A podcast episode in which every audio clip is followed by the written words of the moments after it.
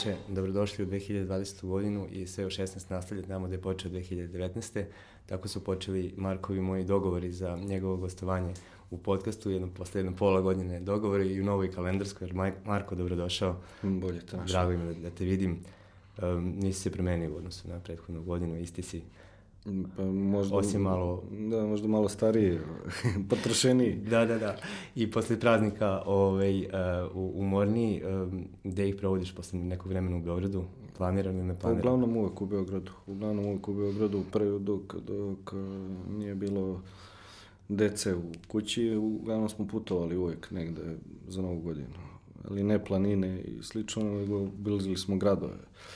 A poslednjih nekoliko godina kući. Da li si bio u Egiptu?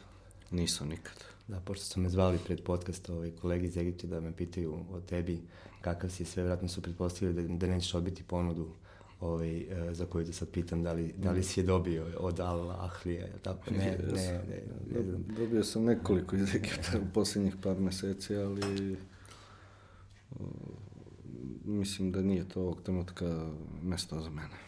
Da, tako su i oni nešto rekli, tako smo mi prenuli da imaš plan da radiš u Evropi. Da, da. Dobro, ovaj, pošto je to novinarski deo posla, to tebi neću urediti, uh, kolege koji su me zvali iz Egipta su pitale da li je on siguran da želi da odbije ponudu od 2,2 miliona, tako? Pa, mislim Nešto da odbijem ja. Znaš kako ja to malo drugačije gledam. Naravno da je novac sastavni deo ovog posla i to nema nikakve dileme. Treba imati respekt prema svakome. I ja imam respekt i prema njima, pogotovo recimo taj Al Ahli, to je, mislim, i najveći klub uopšte arapskog sveta, celog. S armijom jače i tako dalje. Nikad se ne zna gde ću ja završiti, možda par dana posle ovog razgovora budem na nekom mestu koje nije Evropa. Da. Ali, s obzirom da imam 40 godina, hoću da pokušam da napravim taj jedan korak koji mi je potreban ka, ka top ligama, da nađem klub iz jedne od tih, ajde da kažem, liga koje su odmah tu iza Liga petice, dobar klub u tim ligama da bi mogao da nastavim svoju neku afirmaciju i da onda probam da dođem do Liga petice, što je mnogo teško za naše trenere, da se razumemo, da budemo jasni. A, ima mnogo velikih klubova u tom arapsko-azijskom svetu, ajde da kažem, a da to je jedan paralelni svet koji mi ne znamo dovoljno dobro, tamo, tamo ima isto tako neki Real Madrid, Juventus i tako dalje, u tom svetu i to su veliki klubovi, uvek je čas kad te neko od njih pozove, tako da ne bi ja ni iskoristio tu reč odbio, ali to mi malo zvuči kao da, da bez da. respekta, kao, kao grubo, ali Imaš drugi plan. Pre, pre bih rekao, zahvalio se u ovom trenutku, ko što i jesam, uvek se zahvalim ljubazno, kada negde mislim da ne trebam da idem u tom trenutku, ali se nikad ne zna da li će možda to biti zanimljivo u budućnosti. Dobro, ovaj, da se vratimo na početak, jer mi je želja da te ljudi upoznaju ovaj, kroz razgovor o tvojoj karijeri, kako si odlučivao, sa čime si se susretao i sve. Sa 29 godina si odlučio da prihvatiš, da vodiš prvi tim rada. Da. Je li to bilo prerano? Nije bilo prerano. Sad, sad se vidi, danas se vidi da nije bilo prerano. Ali ima to neku svoju istoriju. Ja sam rano prekinuo da igram sa 19-20 godina. Koje povrede u pitanju? Pa nije to bila neka velika povreda. Nije to bila, nije to ona klasična priča kada sam bio Kolena, strašan da. igrač, Da. pa ovaj, mislim ja sam bio solidan igrač tih nekih mlađih kategorija, ali bilo je mnogo boljih od mene. I takav sam tip uvek bio kada sam video da moja generacija odlazi, a bila je dobra generacija, ti moji drugari s kojima sam igrao i ceo život kroz mlađe kategorije kao što Ika Ilijev, Kežman, Nemanja Vučićević, Aca Ranković, da ih nabrajam sve sada, Žuća Radić i ostali, svi su napravili izvanredne karijere. I kada sam vidio da ću ja biti ne više nego možda prosečan igrač, prosto takav sam tip, odlučio sam da, da ostavim i odmah sam počeo da se bavim trenerskim poslom posle godinu dana u radu u mom tadašnjem klubu kao volonter prvo dve godine sa mlađim kategorijama, pa kao honorarac, pa na prvi ugovor i tako dalje. I nekih 6-7 godina sam radio sa mlađim kategorijama i onda sam bio jedno šest meseci pomoćnik u prvom timu i mislim, nisam siguran, tada mislim da je bilo tako, ne znam da li se promenilo, među vremena sam bio najmlađi trener na ovim prostorima koji je dobio šansu da bude trener u profesionalnom futbolu.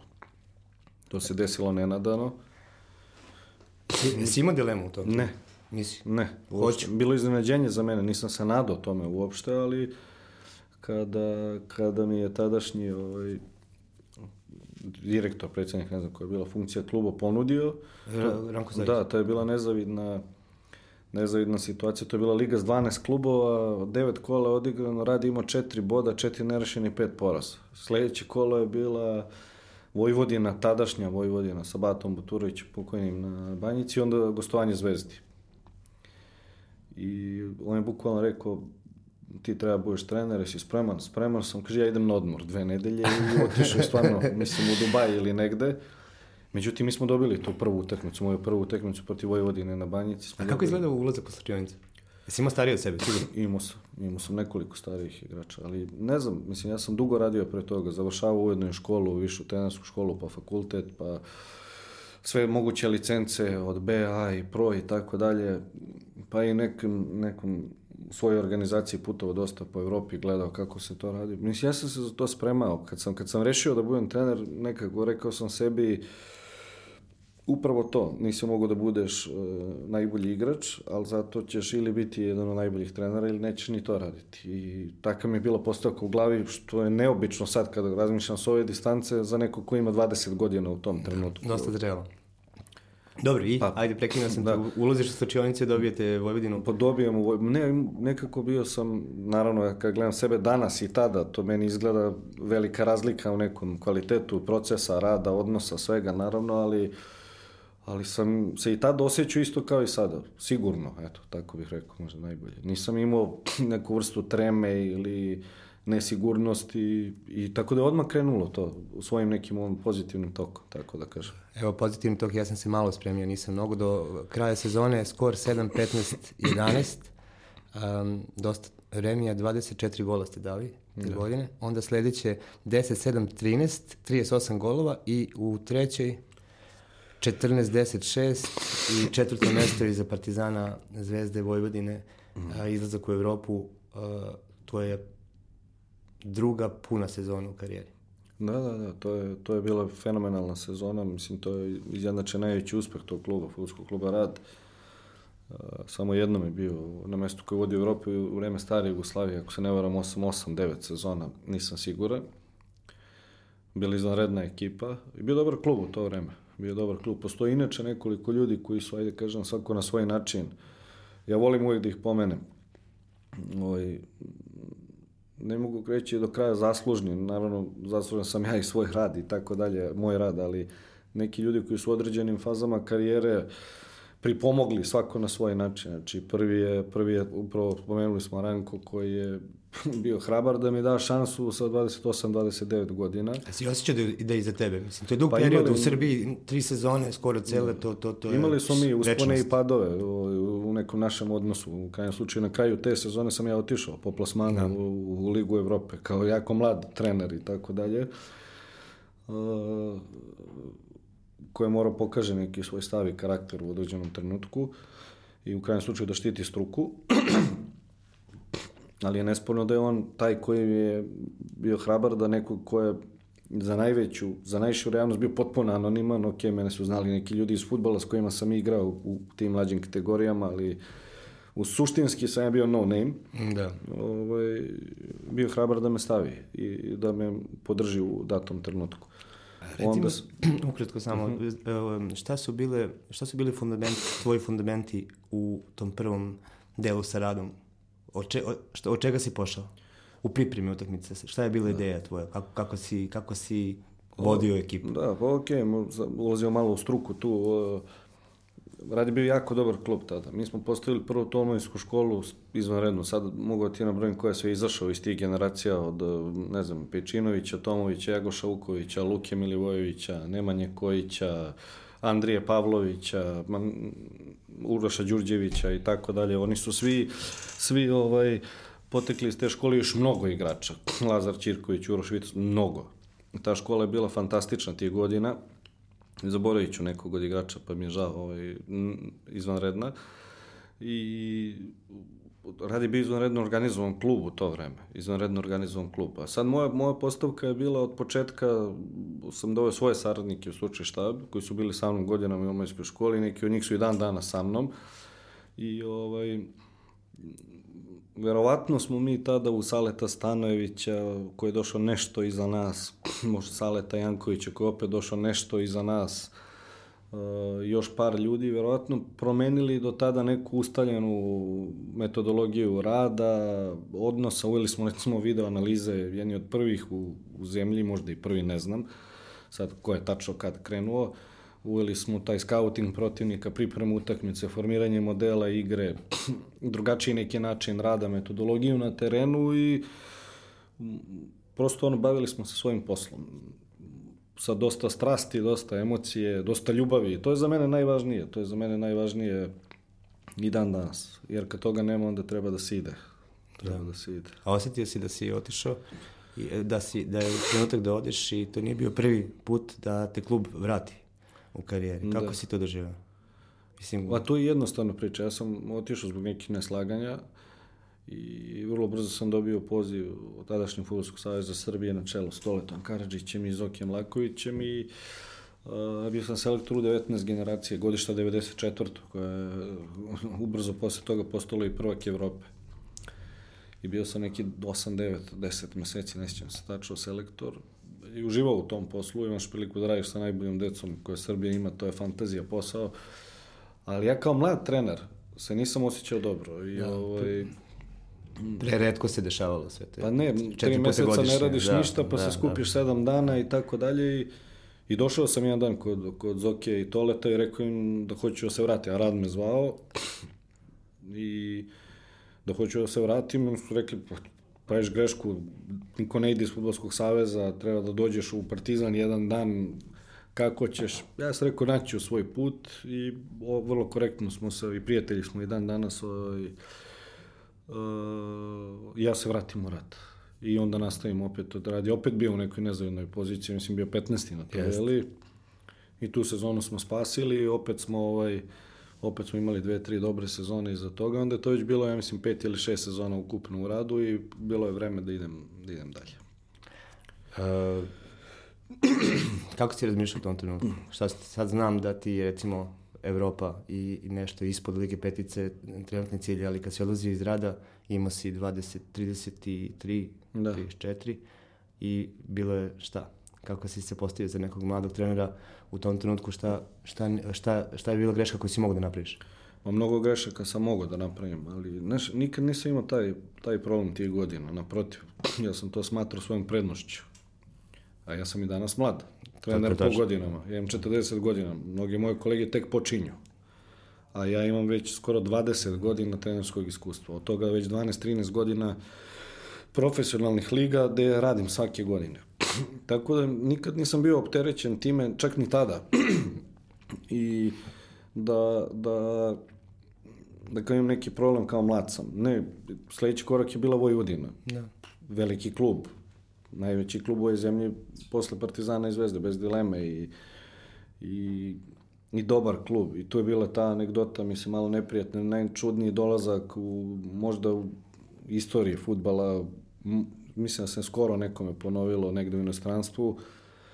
Uh, ja sam bio u Novom Sadu na pregovorima uh, sa tadašnjim predsednikom kluba, pokojnim Batom i sedeli smo sami u kancelariji do možda nekih 10-11 sati uveče, dogovorili smo se oko 8 sati recimo, sve smo se dogovorili, pružili ruku, onda smo sedeli još sat dva pričali, pozdravili se, vidimo se sutra ujutro, krećemo da radimo, da potpišemo ugovor i da krećemo sa planovima sve u kola, otišao kući, uredno se vratio sutradan ujutro ovaj, u Novi Sad. Bio tu sportski direktor, tada Sale Drakulić i još par ljudi iz kluba. 10 sati njega nema, kad ima običaj da kasni, pa kao nema. I onda izađu ljudi i vrati se jedan ljudi iz kluba i kaže preminuo je predsednik. Mislim, vrlo neobična ona situacija. A ja još nisam ni potpisao ugovor, međutim dao sam ruku ja se spakujem, odem u Beograd, onda ide sve to kako ide i ja se vratim posle dva dana, potpišem ugovor i onda bude jedna fantazija, fantazija sezona koja mi je dala i krajnju promociju ka Partizanu u Vojvodini, gde smo pre svega imali Evropu neverovatnu. U Novom Sadu imali smo dobru ekipu, imali smo imali smo, ovaj, pobedili smo Partizan, pobedili smo Zvezdu u kupu na njenom stadionu. Htio sam malo da tim utakmicama, ovaj, pre to, to leto si Hibernians 1-4 i Bursa 0-3. Ali zanima me, te- ti to večer nisi, apsolutno ti ništa nije delovalo sa Batom. Ma ne, Najnormalniji razgovor. Najnormalniji, ništa. Mislim, ne, nevjerojatan nesrećan slučaj i nevjerojatan splet okolnosti da se tako nešto desi.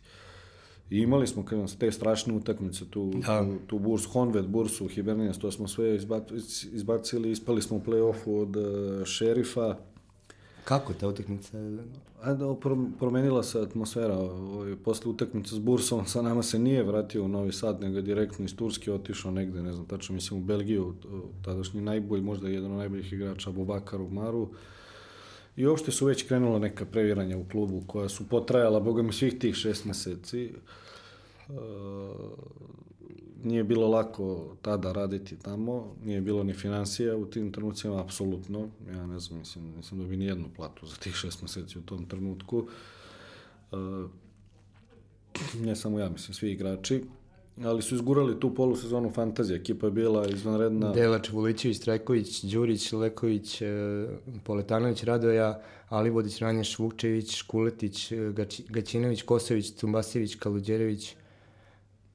Ozbiljna ekipa. Ozbiljna ekipa. Dobro ste futbol igrali. Da, da, pa bilo je baš lepo, lepo sećanje me vežu za taj period. Ovaj, uh, kažem, kratko je bilo, ali jako intenzivno sve od tog prvog dana, od dolaska, pa sve što je pratilo, bilo je uspone i padova, naravno, i uopšte cela atmosfera u klubu je bila jako čudna, ali je ekipa bila, ekipa je bila igrački jako dobra i bila je Imali ste ukupno tri poraza. Toga je bio jedan od zvezde posljednjem e, kolu, četiri dana nakon što ste ih izbacili skupa, 1-3.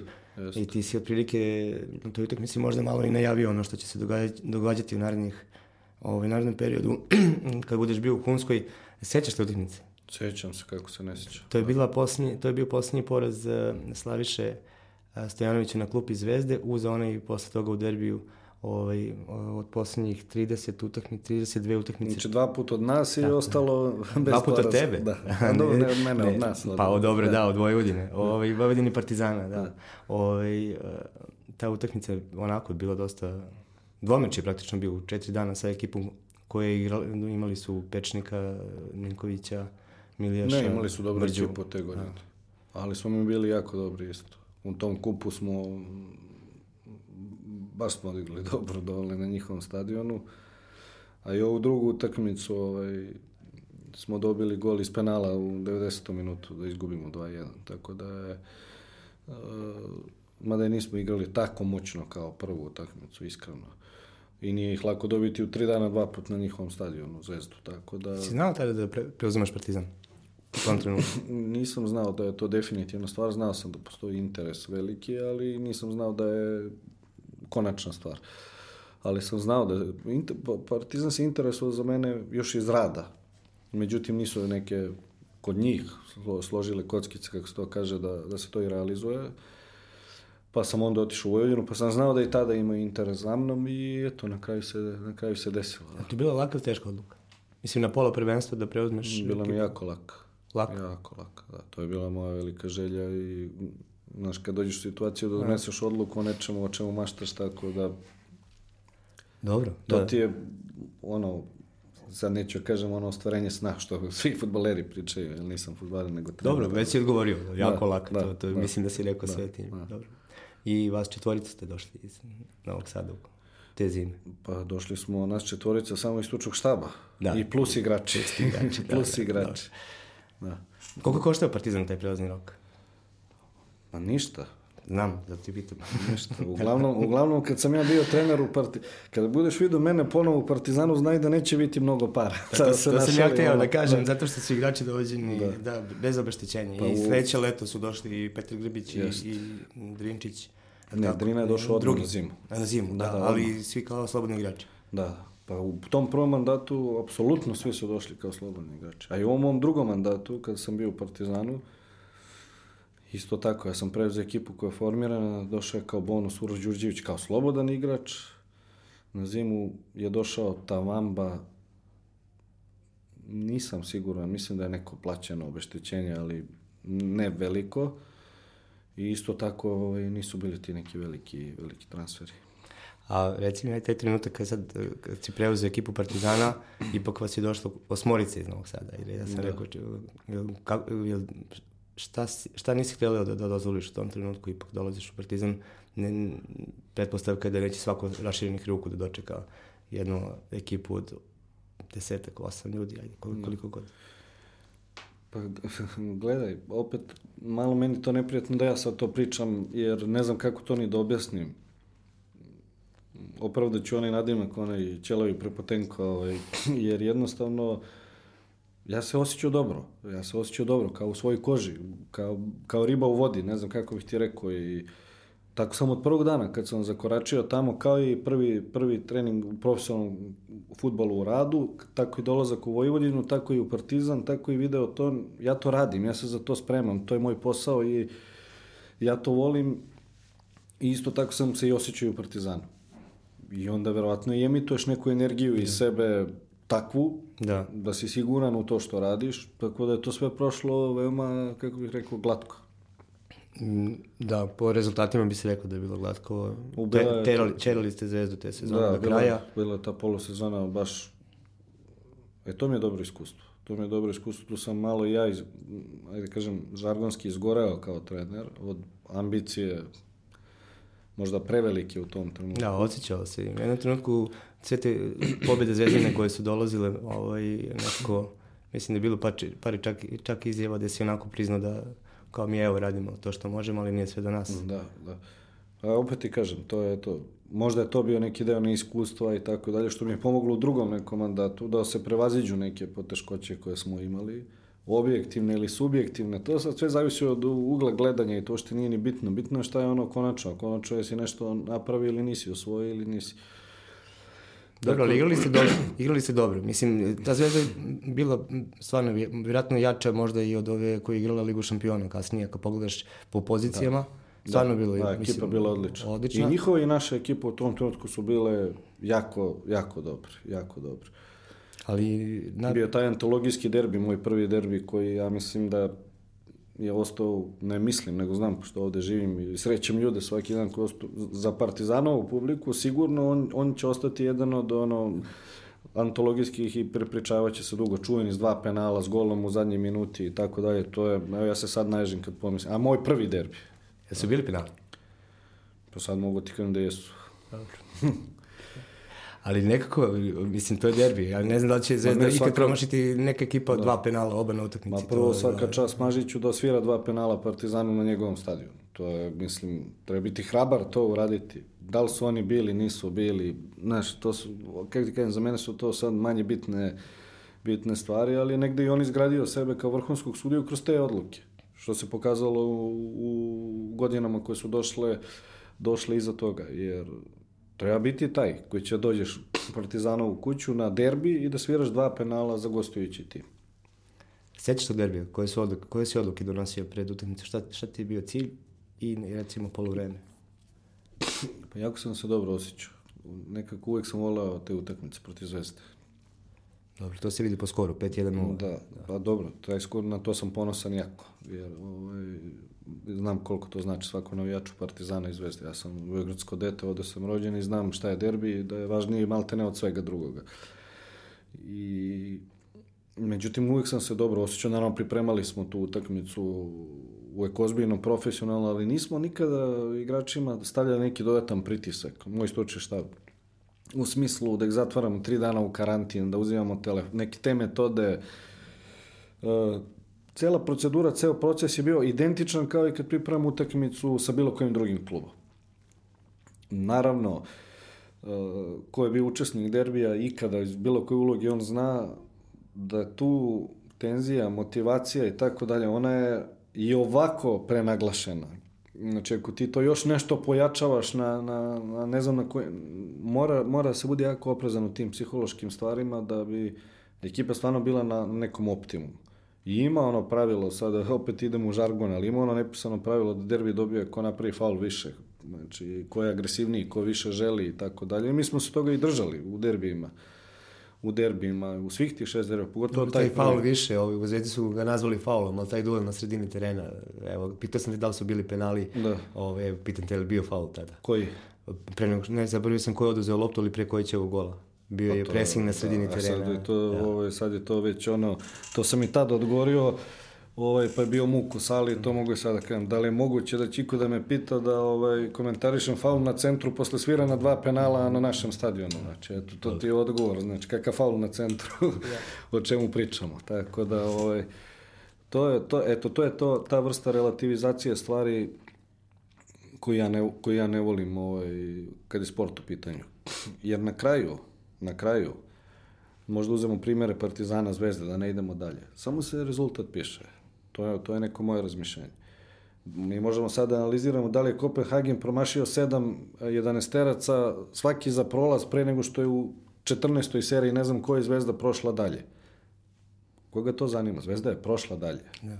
Da li se neko okliznuo, da li je faul na centru, da li je, kako bih ti rekao, na kraju se, on- ono, pobede se pišu, to je to. To je moja neka filozofija, to je moj neki način razmišljanja, da, pogotovo futbal, futbal je sport, ja mislim jedini sport. Imam mnogo drugara iz vaterpola, iz košarke, iz rukometa, velikih igrača, velikih trenera, bivših reprezentativaca, osvajača, svega nikad nisam čuo da se igra ofanzivan ili defanzivan vaterpolo, ili košarka, ili rukomet, ili odbojka, ili lep ili ružan.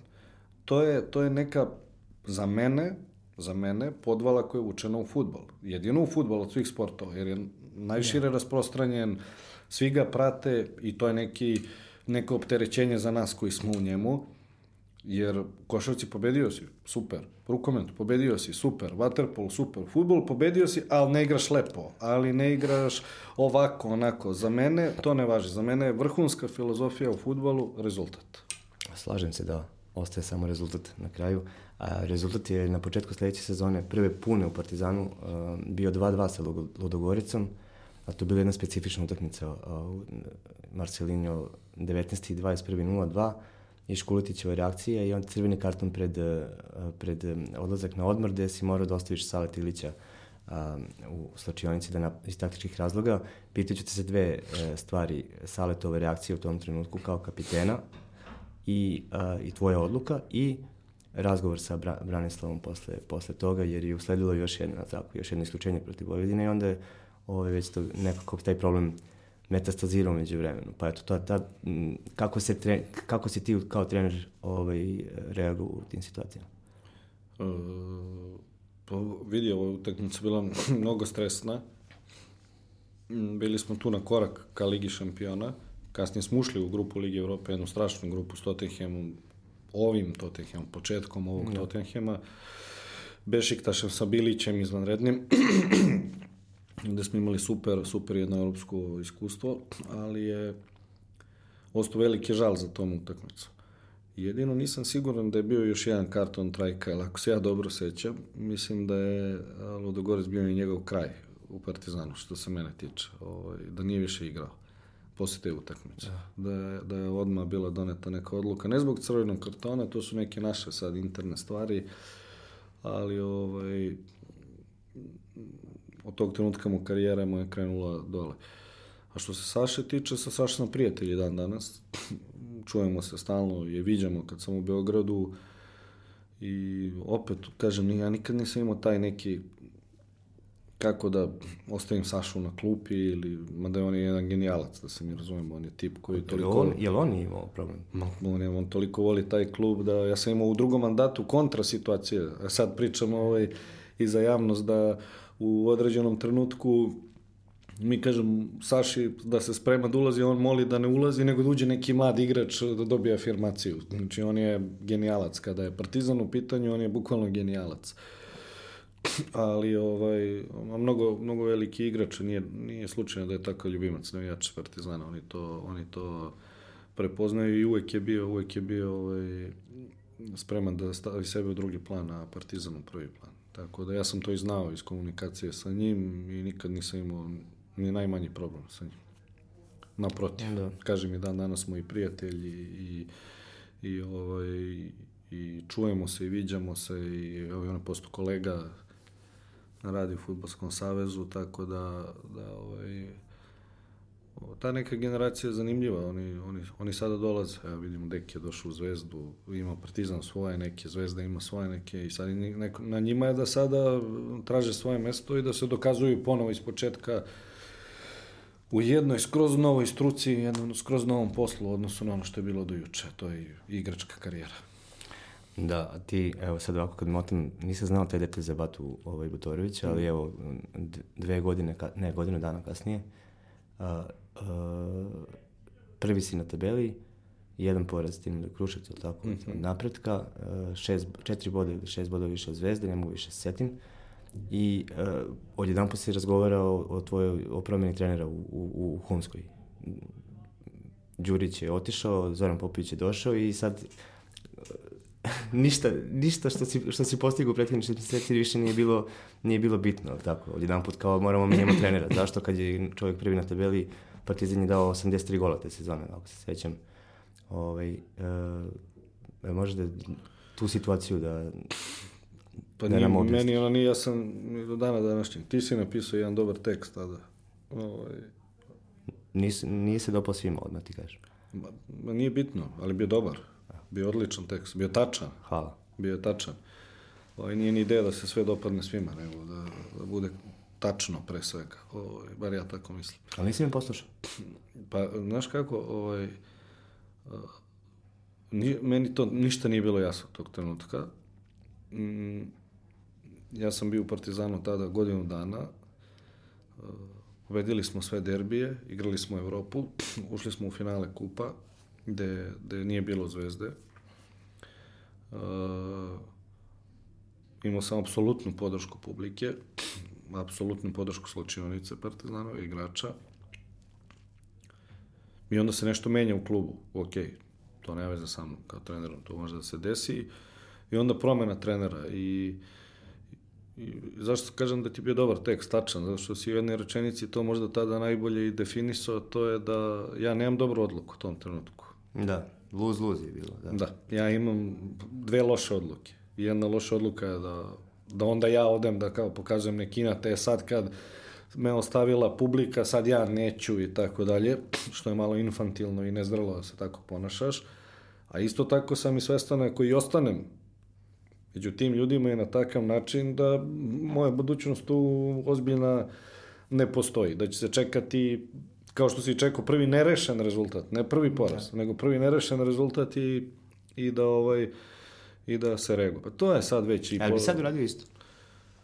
Pa, da, da dođeš u tako, da se desi slično nešto. Da li, šta bi sad recimo, kad, sa pa, tim iskustvom u, u pa, znaš životu? kako, ja, ja uvijek razmišljam pozitivno. Znaš, ja razmišljam sportski. Ja sam, ja sam sportista, ja razmišljam sportski. Ja sam razmišljao da ću ja prevazići sve te tegobe i da ću ja ostvariti svoj cilj, to je da budem šampion s Partizanom, da uzem kup i tako dalje. Bio sam svestan da moja budućnost dugačka sa njima je nemoguća, na dugo, ali, ali sam isto tako hteo da završim neku priču. Ali ti se neko direktno, ajde, e, u tom trenutku je bilo preko medija ili ti je neko, šta ste govorili ljudi, ti bi, ne bi trebalo da budeš trener zbog čega? Šta je bio razlog? Mislim, ja ne znam šta bi bio argument moj Ma u ne, u takvim situacijama se ne daje tu mnogo argumenta, ne, tu mnogo objašnjenja kao neko ti objašnjava. Kad te neko smenjuje, on te smenjuje, da. jer je u mogućnosti na takvoj poziciji i kad te postavlja, postavljate. To su uvijek neke malo ono, emotivne stvari ili profesionalne, kako hoćeš za mene profesionalne, ovaj, da nema tu mnogo prostora za neke emocije da se ti sad nešto objašnjavaš. A što me menjaš, a ko me menja, a zašto me menjate i tako dalje, nego oni te menjaju, ti prihvatiš to i to je to. I tad sam dao ono što je, što je za mene bitno, tada tog nekog 1. aprila ili 15. ne sjećam se više tačno, znači na korak do duple krune, prvo mesto na tabeli finale kupa, gdje smo prvu utakmicu polufinala dobili Jagodinu 3-0, revanš je bio rutina. Uh, tad sam rekao, čak i za medije sam rekao da nisam završio svoj posao, iz, korektno smo se čak i tad razišli, ali da ću se vratiti da završim ovaj, kad se za to steknu uslovi. I tako i bilo. Tako da ja sam svoj inat pokazao na taj način. Da. Umeđu vremenu, ne znam, iznenadio sam se kad sam, kad sam pripremao podcast kao Ljubljana. Ja sam to, to, to, da. totalno i meni o nekako kao da se nije dogodilo. Tebi? A ne, za mene je baš lepa epizoda. Baš lepa epizoda. Neverovatno za taj neki kratak period od 4-5 meseci koliko prijatelja je dan danas I kakav ispraćaj smo tamo dobili. Ja sam posle otkaza bio još sedam dana, nisu mi dali da idem kući, ali bukvalno. Na kraju su me ispratili do Beograda, do, do, dovezli mi stvari do, do kuće i tako dalje. Ovaj, kasnije dolazili na partizanove utakmice, po njih 20, što stručnog štaba, što iz kluba, što igrača. Ovaj. Ali si mora da odeš? Šta je? Šta je? Ne, morao sam da odem. Mislim, desila se taj, ta, ta situacija koja, naravno, to je sad jasno svima, ovaj, posle svega da to nema veze sa rasizmom i sličnim stvarima. Ovaj, bio sam u mnogim drugim klubovima, kasnije u Partizanu, pa sad u Videotonu i tako dalje. Najbolji odnos sam imao sa igračima, druge boje kože, grlili su me, ljubili, bacali u vazduh prilikom osvajanja trofeje i tako dalje. Ali je tako izgledalo medijsko vreme, i to sam objašnjavao milion puta, se ne ponavljam sada, i nemam ni potrebu više nikom da objašnjavam. Taj momak imao takav nadimak na treningu, to opet za mene iskustvo u prvo inostranstvu da, i tako da, dalje. Da, da, da. Čak i on dao izjave za televiziju, ovaj čovjek mi je kao otac, kakav rasizam. Međutim, priča je otišla u medije i to je kraj priče i tu je bio takav splet okolnosti, ali kaže za mene dobro iskustvo. Bili smo prvi, bili smo bez poraza, mnogo prijatelja, mnogo prijatelja i i, i jedno veliko iskustvo kada je, za mene kao trenera, kada, kada je, su mediji u pitanju. U tom smislu da Uh, iako ja želim nije, da držim nije... neku svoju intimu za sebe i da nemam Facebook, da nemam Twitter, da nemam Instagram, ko što nemam, da živim neki svoj život, uh, se bavim svojim poslom i svojim porodicom i prijateljima, ali da ipak mora da uvažim da je 21. vek i da povedem računa o svakom detalju, jer mi čini mi se, živimo u vreme velikog brata, ja nekad imam utisak da su kamere i sve ostalo svuda oko nas, tako s obzirom da sam javna ličnost, da se bavim ovime, čime se bavim, da takvi kikse im se više nisu događali.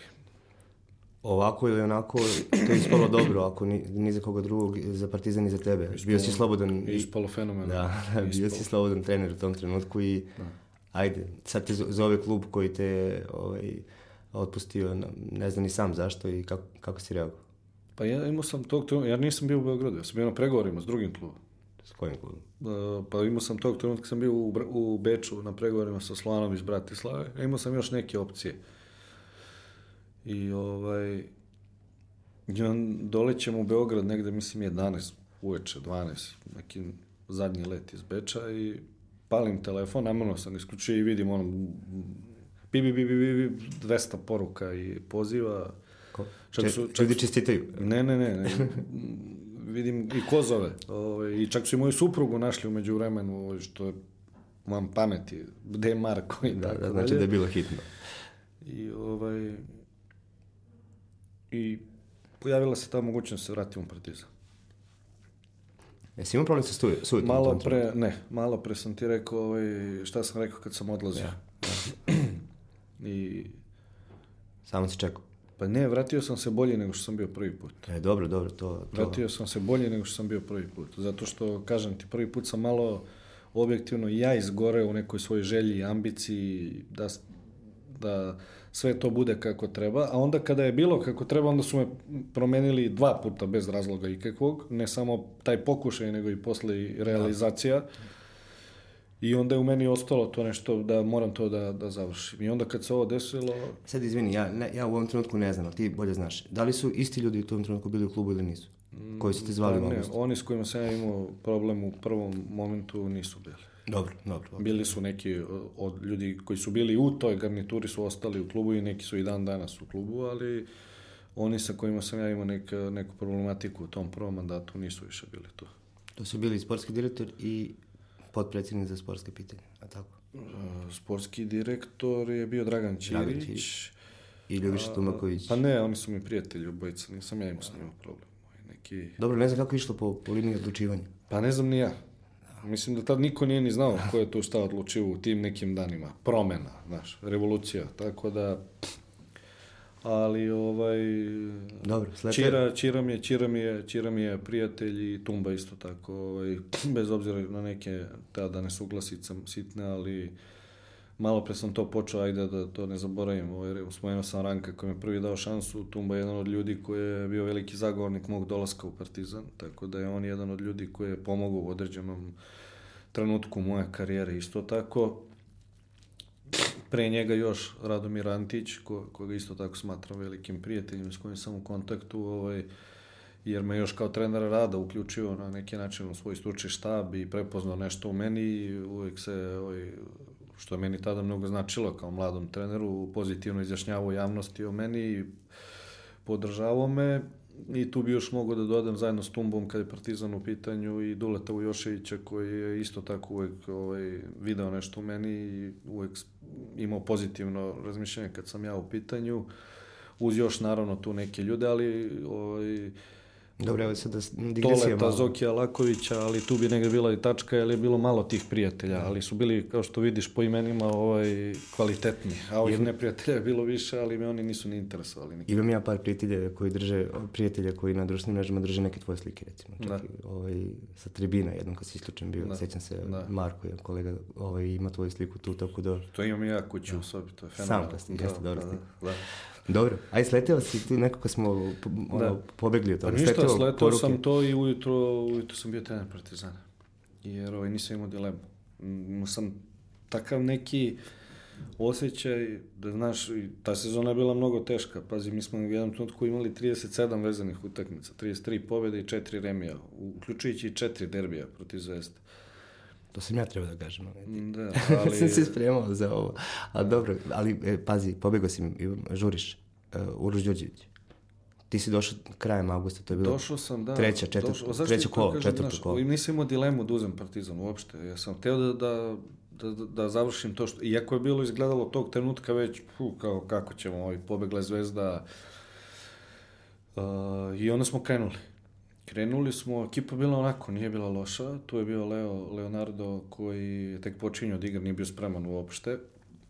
Ja sam ga uvodio u početku prvih nekoliko utakmica s klupe i onda je posle uhvatio ritam. Dobro, Božinov je bio spreman. Da, a on nije nikad bio spreman, ali bio dobar, dobar je bio za nas u tom trenutku. Ovaj. To je dobar igrač, dobar igrač, ali ovaj, To... Jesi pokušavao da ga, da, da ga trgniš malo? pa ne, ne, on je, on je u prvih šest mjeseci imao dobar doprinos ekipi.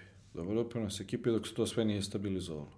Pa zaboravljaju ljudi, zaboravljaju ljudi, uh, znaš kako svi pamte tu drugu polusezonu, to je tako sveže u sećanju, znaš, zaboravljaju, tu je bio i Mira Radović na početku, Da. tu je bio i Brašanac u početku, tu je bio Nikola Đurđić koji je čitavu, čitavu jesen je bio deo tima, nije dao mnogo gola, tu je bio Alen Stevanović koji se kasnije povredio, koji igrao mnogo utakmica na jesen, Nemanja Mihajlović u početku, Božinov, znači mnogo je tu Greg, Grega On je igrao u prvom delu sezone, kasnije mu istak ugovor i otišao. Ljudi, I jedan klinac u kog nisi imao dilemu. za koga priča? Za Milenković. Pa dobro, gledaj, on je... Prvo njega je... Dobro, njega je sad doveo- znamo šta je sad, ali da, u tom njega je- trenutku je bio tinejdžer. Da, ja za njega ne mogu da uzem zasluge na sebe da sam ga negde video i tako dalje. On je bio tu. On je bio tu. Njega je da, apsolutno video i prepoznao Ivan Tomić, moj prethodnik. Znači, on ga je video i prepoznao u teleoptiku i ja sam ga nasledio u, u, u ekipi Partizana i međutim mi smo ga naravno podržali, stavili smo Ostojića da igra sa njim, to je bio jedan tandem, tako prirodno su se namestili, ovaj, legli jedan drugome i, i, i on je odigrao sezonu i snova, kao jako mlad igrač koja je dobila svoju krunu na kraju, ajde sad opet i žurim ovaj, tim nekim golom u finalu kupa, da, ali je a, jedan odličan momak, stabilan, inteligentan, ima i neka druga interesovanja mimo futbala, a na terenu izvanredan. Ovaj. U Uroš je stigao, negde zadnjih dana prazog roka, Ili, kako izgleda taj trenutak? Jesi ga ti kontaktirao ili... Ba ne, nisam ja bio zadužen za to, ja sam obavio jedan razgovor sa njim i on mi je rekao da apsolutno dolazi ovaj, i onda su to preuzeli ljudi iz kluba da dogovore to s njegovim agentima ili s kim već, to stvarno ne znam. I onda smo polako krenuli, ako smo imali tu, u tom prvom periodu smo imali dva neplanirana poraza, ili veše dva, da, prvo, prvo u stvari moja utakmica bila, ja sam u. Pa da, ja sam u četvrtak potpisao, u subotu sam seo na klupu. Možda to nisam ni trebao da radim, ali to je partizan, jer obično u tim situacijama ovaj, vidio si... Pre... Ancelotti i Arteta E, odgledaju, tako je, da, da, tako da, da, da. Sad, to sam, njih sam teo da dam za primjer, ovaj, ali teo sam da sednem, nema veze, negde sam i znao da će to da bude, jer ja u prvom mandatu nisam nikad izgubio utakmicu, ne na, u srpskim okvirima. I ovde sam sad izgubio prvu i to ubedljivo. Bilo mi je, to mi je mnogo teško palo, ali ok, to je partizam, ali sedneš na klupu. I posle toga smo izgubili još u Subotici, to je bilo stvarno nesrećno, nekim golovima čudnim i promašili smo svašta. I to je to. I posle toga je krenula To ta je, bi- serija. to je bio, mislim, početak oktobra je Tako bio je. posljednji poraz. Tako je. Da, 6. oktobar. Na tom putu bilo svašta. Onako, ovaj... Do, dobro si držao to. Jedna stvar koja se ponovila u odnosu na prvi partizan, a, imao si napred dva raspoloženi igrača, to su prvo bili Danko i, i Petar Škuletić, a posle Leonardo i Đurđević. Možeš da se setiš klapanja te ekipe, pravljenja Mogu, hemije. Kako tu, te sezone mogu svega da se setim. To mi je najdrža sezona u dosadašnjem delu karijere, bez dileme. A mislim da god budem bio da će im tako ostati zauvek. Ovaj, jer je potpuno posebna sa, sa, sa svakog aspekta. I Ja to negde osjećam, evo, tri godine ne živim ovde, ali kad god dođem u Beograd, u svoj grad, od, od, od carine gore i policije na granici, preko pumpe, gde sipaš gorivo do, ne znam, gde piješ kafu u Beogradu ili šta god, to je ostalo urezano u srca svim navijačima Partizana. To sam mnogo ponosan. Kako si isprovocirao Đurđevića? Pa Ono je bilo ono, on, ne, dečko njega- igru transu. Pa jest, da, ali mislim, ja sam njega dobro znao. Sam njega i doveo negde u rad kao klinca još u mlađe kategorije, pa sam mu dao šansu u prvom timu kao, kao trener prvog tima kao, kao klincu i onda je njega odveo put tamo negde u Holandiju i tako dalje i onda sam ga doveo u Partizan, znao sam njegove kvalitete. On je igrač koga ne treba mnogo da provociraš, naprotiv, trebaš da ga smiruješ često. No, ja volim napadače koji daju golove. Evo, sudi je bio stidljiv dosta. Nakon, ovaj, A ne, on je, on je u tom smislu dvostruka ličnost. Ovaj, on, je, on je van terena, bukvalno može se reći kao devojčica. Znači, jedan toliko divan dečko, dobar, porodičan, miran. Ne postoji niko ko imao ikada problem sa njim. Na terenu se pretvara u... u To kaže za suvorac. ajde kažem opet jednu, poznati onda jednu životinju u pozitivnom smislu. On je gladan golova i meni to jako prije kao trener. Ja volim napadače koji, koji hoće da daju golove. Dobro, sa igračima možda ne prije ne. Ta glad. Pa to može da se Znaš desi. šta te Da, pitam? da. Šta te pitam? To može da se desi. Desilo ti se. I on i oni i Leonardo su ovaj, na neki način bili lideri ekipe. Ali kako oni mogu da budu lideri ekipe pored živog Saša Ilića? Dajem ti primer. Da.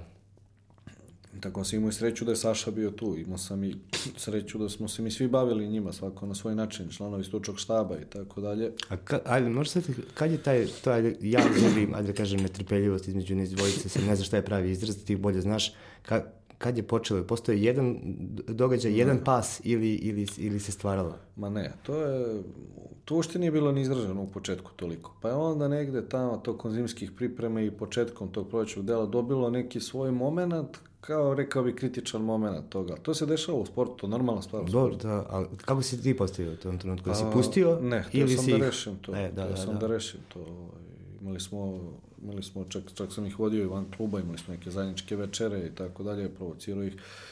Pa, mislim, u suštini ja to volim da pustim. To je njihova stvar, to su igrači. Ja, mislim, to je normalna stvar u sportu, dešava se često.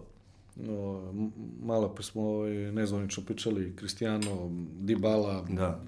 Treba to voditi, jel tako? Ali to se sve dešava, to su, ima ve, veliki ego je prisutan kod dobrih igrača i to je dobra stvar. Za mene kao trenera to je dobra stvar.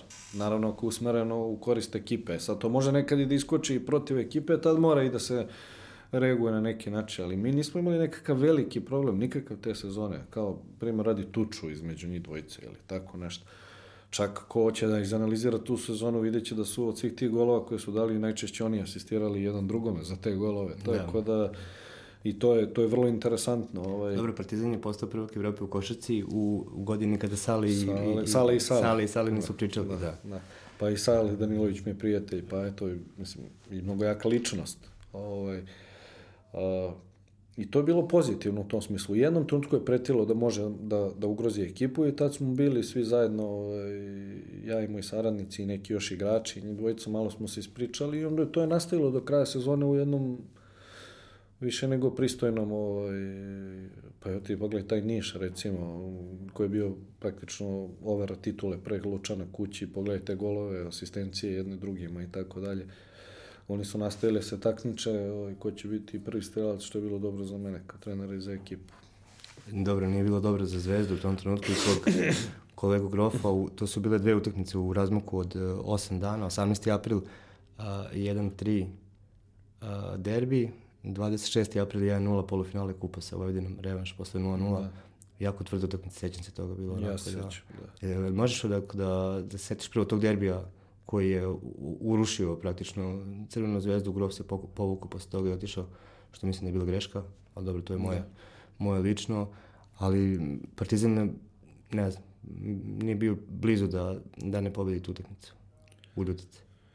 Ono, taj derbi je bio kulminacija te sezone, odnosno taj i posle finale kupa, jer to je, e sad se vraćam na ono što sam malo pretio da ti kažem, kad sam došao, imao sam takvu neku energiju da, da, da ćemo mi to da uradimo Pa verujem svi moji najbolji prijatelji su mi govorili, nema šanse, kako, mislim, iz milion razloga.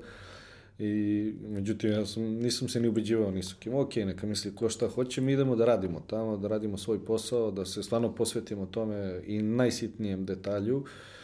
Podsjeti me, kako je bilo bodova pred derbi? Bilo je minus 1. Ne, ne, pred derbi je bilo 3, 3 za zvezdu, 3 za zvezdu, E, mi smo ih dobili kod njih, to je već bilo u play-offu, znači da, da, par kola već. do kraja i sa tom pobedom smo došli na 0-0.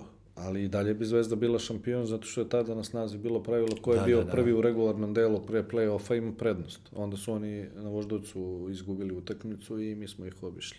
Da. E, si osetio uh, uh, onako intimno u pripremi te utakmice, čitanju izjava i svega, da li si osetio uh, strah sa druge strane? A ne. Jer ja jesam. Uh, pa, kao novinar, vidio sam da Zvezda nije sigurna u sebe u, tom trenutku. Možda nisu bili sigurni, sad ja to stvarno ne znam, to je njihova stvar. Ja pre svega moram ti kažem za, za Grofa, za Grofa da i on mi je prije, drugar, ne kažem prijatelj, drugar je najkorektnijih uh, kolega s kojima sam ovaj, sarađivao. Imali smo prilike, ja mislim, pre svakog derbija smo pravili nekakve zajedničke intervjue i slali neke normalne poruke kada su navijači u pitanju i tako da. dalje. Mm, I posle derbija i čak i kad je otišao i tako i dan danas se sretnemo. Ovaj, on je pre svega jedan ovaj, vrlo korektan tip, jedan dobar čovjek, jedan dobar dasa i dobar, dobar trener. Tako da, ok, dođu dani pobeda, poraza, to je bila naša sezona, to je bilo jasno ko dan. Mi smo bili u takvom jednom naletu da to ja sam imao osjećaj da ne može ništa da nas zaustavi ovaj, u tom trenutku i zato i kažem da je antologijska i da ona se među navijačima Partizana prepričava i prepričavaće se verovatno kao i ona Ljubljana narednih 30 godina i tako dalje. Nekada se te stvari prosto desa, tako. Nama su se desile ja sam presrećan što sam bio deo toga jer kažem ti, to će se pamtiti, ja, ja ću pamtiti ceo život posle to proslavu te titule, pa, pa to finale kupa, dupla kruna, pa taj otvoreni autobus, pa ta povorka kroz Beograd, to je, mislim, Partizan je osvajao mnogo titula, se nisu slavile na, na, na da. takav način, tako da, ovaj, kažem, to mi je ono nešto najdraže i mislim, daj Bože da mi bude dobra karijera, bit će dobro za mene i moju porodicu, ali će mi ovo uvek ostati kao nešto najdraže, najdraže u životu. To nije bio posljednji derbi te sezone, ali je bio presudan. Ovaj, posle toga je bio, bilo prilično, ovaj, moglo da se pretpostavi kako će se završiti. Energija je bila na drugoj strani tog prijateljskog brda, kako vole da kažu da. naše starije kolege, ali e, ja bi se vratio pred početak derbija i dalje je bilo sve otvoreno. Zvezda imala tri boda, e, derbi na domaćem terenu i ta slačionica iz koje se izlazi u tunel. U tom trenutku bilo potrebno da digneš ekipu ili da, ili da je spustiš. Pa više da spusti. Jer mi smo, to ček, mi smo u stvari za to radili godinu dana. Da napravimo situaciju, da dođemo na taj derbi i da se mi pita. I ja sam, šta, jedna anegdota mala, ovaj, iz nekog razloga, obično se kad, kad ideš s teloptika na derbi, bilo na naš stadion ili zvezdin, se napravi čitav ono koridor, znaš, blokiraju da, se da, ulice da, da, da, i auto... Sad nismo čak ni pratnju imali za ovaj derbi. I to je takva gužba bila na Gazeli i ono pre Gazele, da smo mi stigli na stadion 50 minuta pre početka utakmice. Čak je bilo reči i, i o pomeranju termina tog derbija. I onda sam ja vidio da tu postoji neka mogućnost za neku nervozu da se pojavi.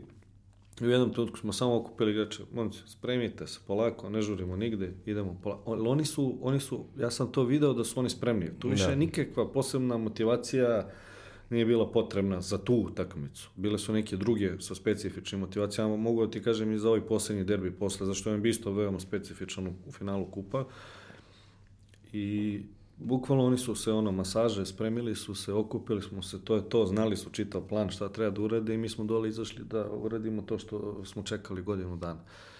Uh, ti si to dobro definisao, ti si rekao posle tog derbija, ja bih rekao čak i pre tog derbija, sva energija je bila na našoj strani Topčevskog brda. Mi smo, mi smo odigrali tu utakmicu kao u nekom transu i tog trenutka okrenuli čak i, i zvezdašku javnost na našu stranu, jer jednostavno ljudi su videli smo u toj sezoni bolji, mislim, ko je objektivan, naravno, sa obe strane ima i onih koji ne priznaju nikad nikome ništa s druge strane, ali ovaj, i ja sam pratio da su mnogi zvezdaši objektivni iskomentarisali da apsolutno sada pripada titula Partizanu, da je bolji u toj godini, da bolje igra, efikasniji, bolji i tako dalje, lakše pobeđuje i to mi je jedan od najdržih utakmica isto tako. Uz prvi derbi mi je najdrži, prvi, prvi mi je najdrži, jer prvi se pamti. Jer derbi je, derbi je, derbi je čudo. Bilo je, tu je posebna motivacija za igrače, oni su, oni su često i premotivisani,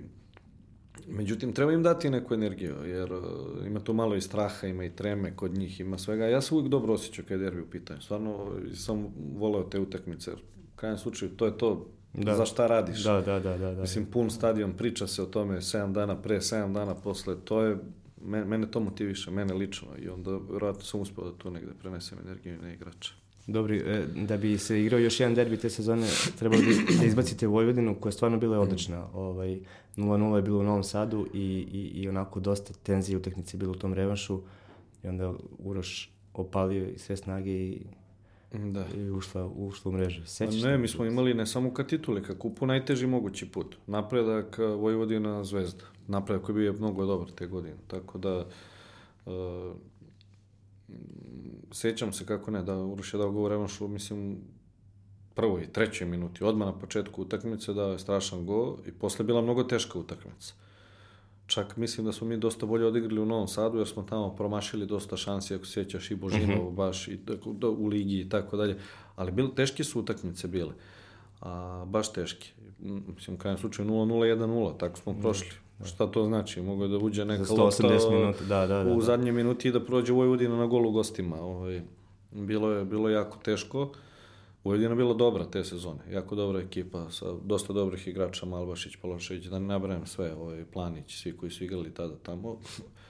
Ali ovako, onako, stiglo se do stiglo, poslednje utakmice. Stiglo se i do tog finala. Drugi deo maja bio, je tako?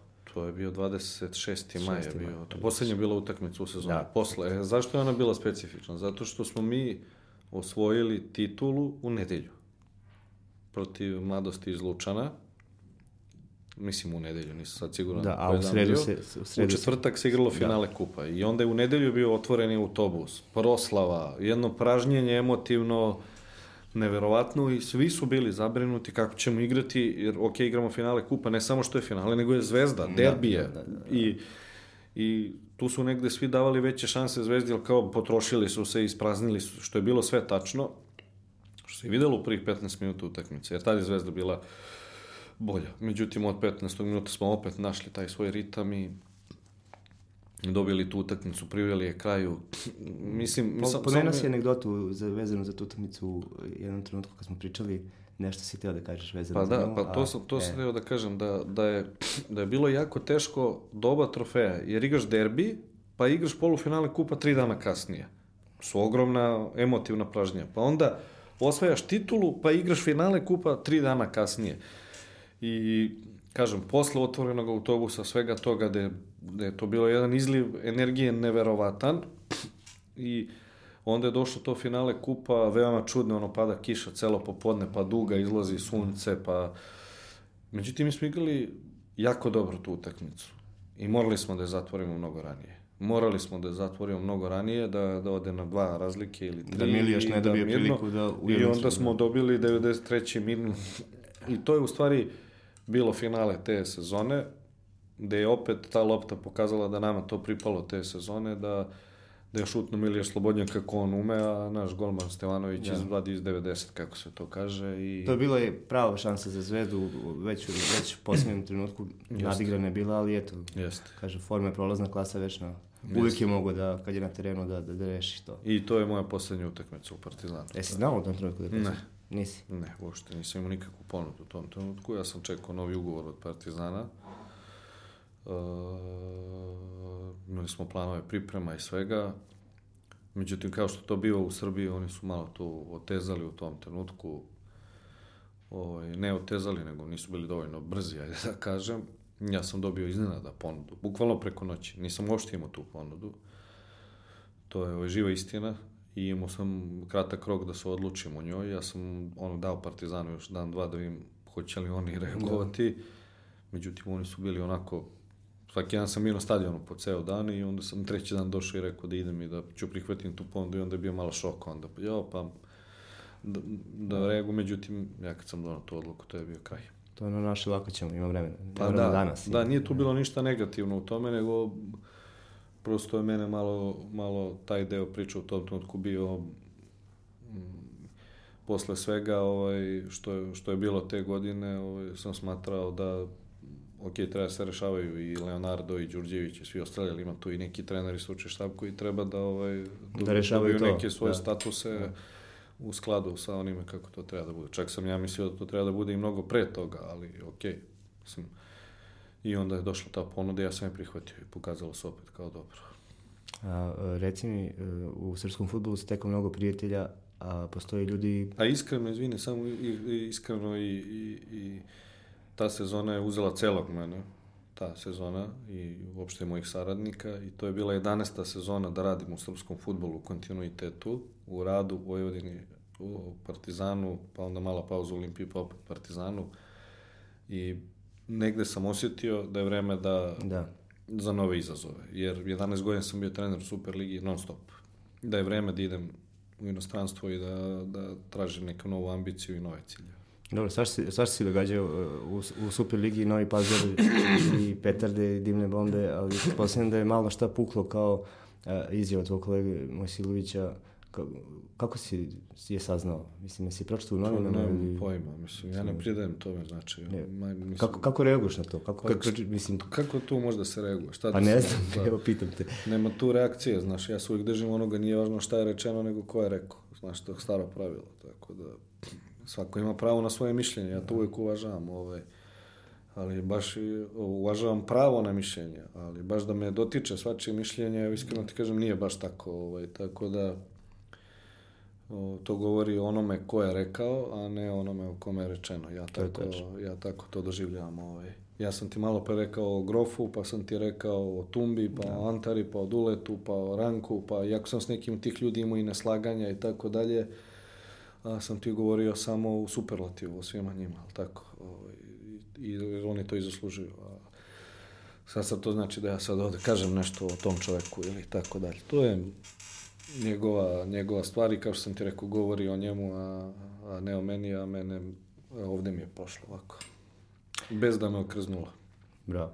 Dobro, tako treba. Da u Mađarskoj e, pomenuo se društvene mreže da te nema na njima, a mi da, da nema društvenih mreža možda ne bismo videli snimak sa utakmice da je Danko Lazović onako ovaj, sa dosta energije e, da. ovaj, pao na zemlju i, i otkutrljao se par puta posle jednog faula i onda je on postao instant uh, junak, odnosno antiherij na društvenim mrežama. Ti si to trebao da da, da, da središ, eto, da, da, da, da pa porazgovaraš ja bio, s njim. Nisam ja bio taj trener, to je bilo u sezoni pre, dok sam ja bio u Partizanu. To je poslednja utakmica. E, vidiš, to je moj, da, da previd. To, da, to ja, je, ja sam te povezao, bio potpuno njegov odlazak tamo s njim. To je poslednje kolo, neverovatno te sezone, tako sam ja došao video to, poslednje kolo je bilo utakmica Honved Videoton za titul A, te da. godine i Honved je pobedio i bio šampion. A ja sam došao posle toga, jer tad nije ostao trener, nije uzeo titulu i ja sam došao posle toga. Da, dobro, moj lapsus. Pa, a, a, mora ti kajem, ne diraj mi Danka, ja ga mnogo volim, da. ovaj, mnogo volim i ko čoveka i ko igrač. A,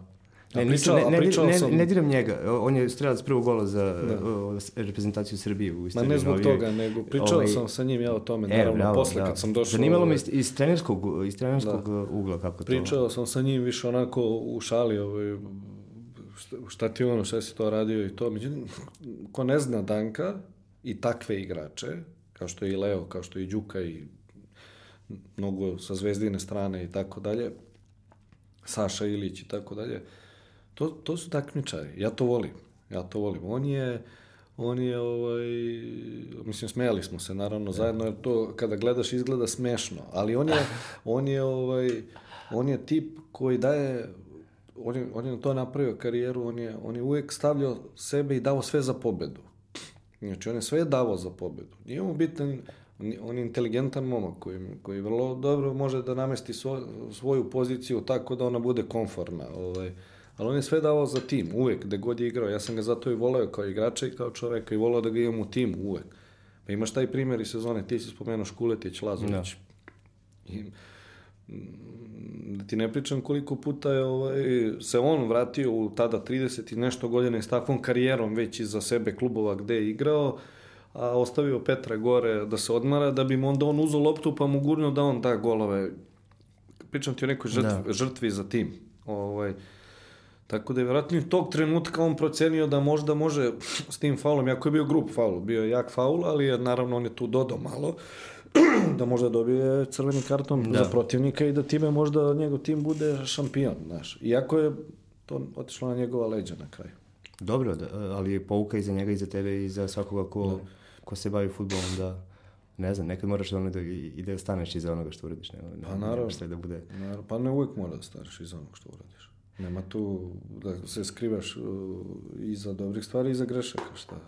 Kao, mislim, to je moje razmišljanje u životu uopšte, ne samo u futbolu, tako da mnogo je lako da budeš tu i da stojiš kad je dobro, treba stojiš i kad nije dobro. Ovaj. Tad u stvari trebaš još više da, da budeš tu i da stojiš iza svojih odluka, reči, dela i tako dalje. Dobro, evo, za kraj bi te pitao jednu stvar koja je hipotetička, ali ti vrlo dobro znaš od čega nećeš ostupiti kao trener koji ima iza sebe rezultate i u, vrlo brzo ćeš biti prilici da možda kad budemo ovo emitali, emitovali već budeš imao Daj negde nešto, da, neku promociju. A, šta će biti stvari koje ćeš prvo pitati i šta će biti isključujuće? Ako bi ti klub rekao, ti bi rekao hvala, ja nisam za ovo. Pa ovog trenutka me zanima stabilnost, projekat kluba Mada u ovom našem poslu toga nema mnogo. Malo pa sam ti rekao, vrhunska filozofija, rezultat. Da. I to jeste tako. Kad ga imaš, sve je u redu, kad ga nemaš, ništa nije u redu. Ali nije baš tako jednostavno. E, imamo Željka, ovih prethodnih mesec dana, Željka Obradovića sa Fenerom. Ja se naježio kad sam gledao onaj doček u dvorani, ne znam jesi gledao. Da, ovaj... kad, nakon što je rekao da će možda da ode ono... Da. Znači, kad cela dvorana skandira na turskom predsjedniku, hoćemo novi ugovor e, za trenera. Znači, to je, mislim, ako je neko zaslužio, on je zaslužio. I, a meni je to, pošto ja volim svoju struku, iako je to košarka, ali ista struka, trenerska, meni je to, ja. meni je to fantazija, meni je to nešto najlepše što sam skoro video. Ovaj. Tako da, m, mm, vraćam se na odgovor na tvoje pitanje, uh, mora pravim rezultate, to je, to je definitivno. A ja bih voleo da imam takvu poziciju, da imam neku stabilnost, da opet mogu negde da radim kao što sam sada radio dve i po, tri godine, ali to je mnogo mm -hmm. važno za trenera. Ne bih volao da dođem u situaciju da menjam klubove na svaki šest meseci ili tako dalje, ali opet niko ti to ne, ja. ne garantuje osim naravno ovaj osim naravno tvoji rezultati i to bi bio neki ajde da kažem moj uslov da je neki projekat ozbiljan i na duže staze ako ako uopšte to može tako da se kaže kao uslov. Uh, A šta je bilo drugo pitanje? Da, pa otprilike šta je isključujuće? Kad bi, kad bi čuo u tim pregovorima, je, stvari će funkcionisati ovako, jer ako ti bi rekao hvala, hvala, ali ja ne mogu to. Pa ima, ja sam se zahvalio nekim klubovima, znaš, ali nije to, ne ide to baš tako da ti neko nešto kaže, pa ti kao neću to, nego prosto kroz neki razgovor vidiš da to nije sredina za tebe. Ako bi procenio da iz bilo kog razloga to nije dovoljno dobra sredina za mene, na primjer da menjaju treneri kad osvoje titulu i kad uh, uđu u ligu šampiona i da je takva neka sredina i da tu nema nekog prostora da ja radim dugo i da se vrednuje moj rad, zato sam ti ispričao ovo o Željku, znaš čovjek posle svega što je napravio uđe u nekakvu krizu rezultata, ali ima podršku apsolutnu. To je jedan model za mene, za, za, za aspekta trenera, to je fantastičan jedan model i od publike i kluba i predsednika i svega. I redak.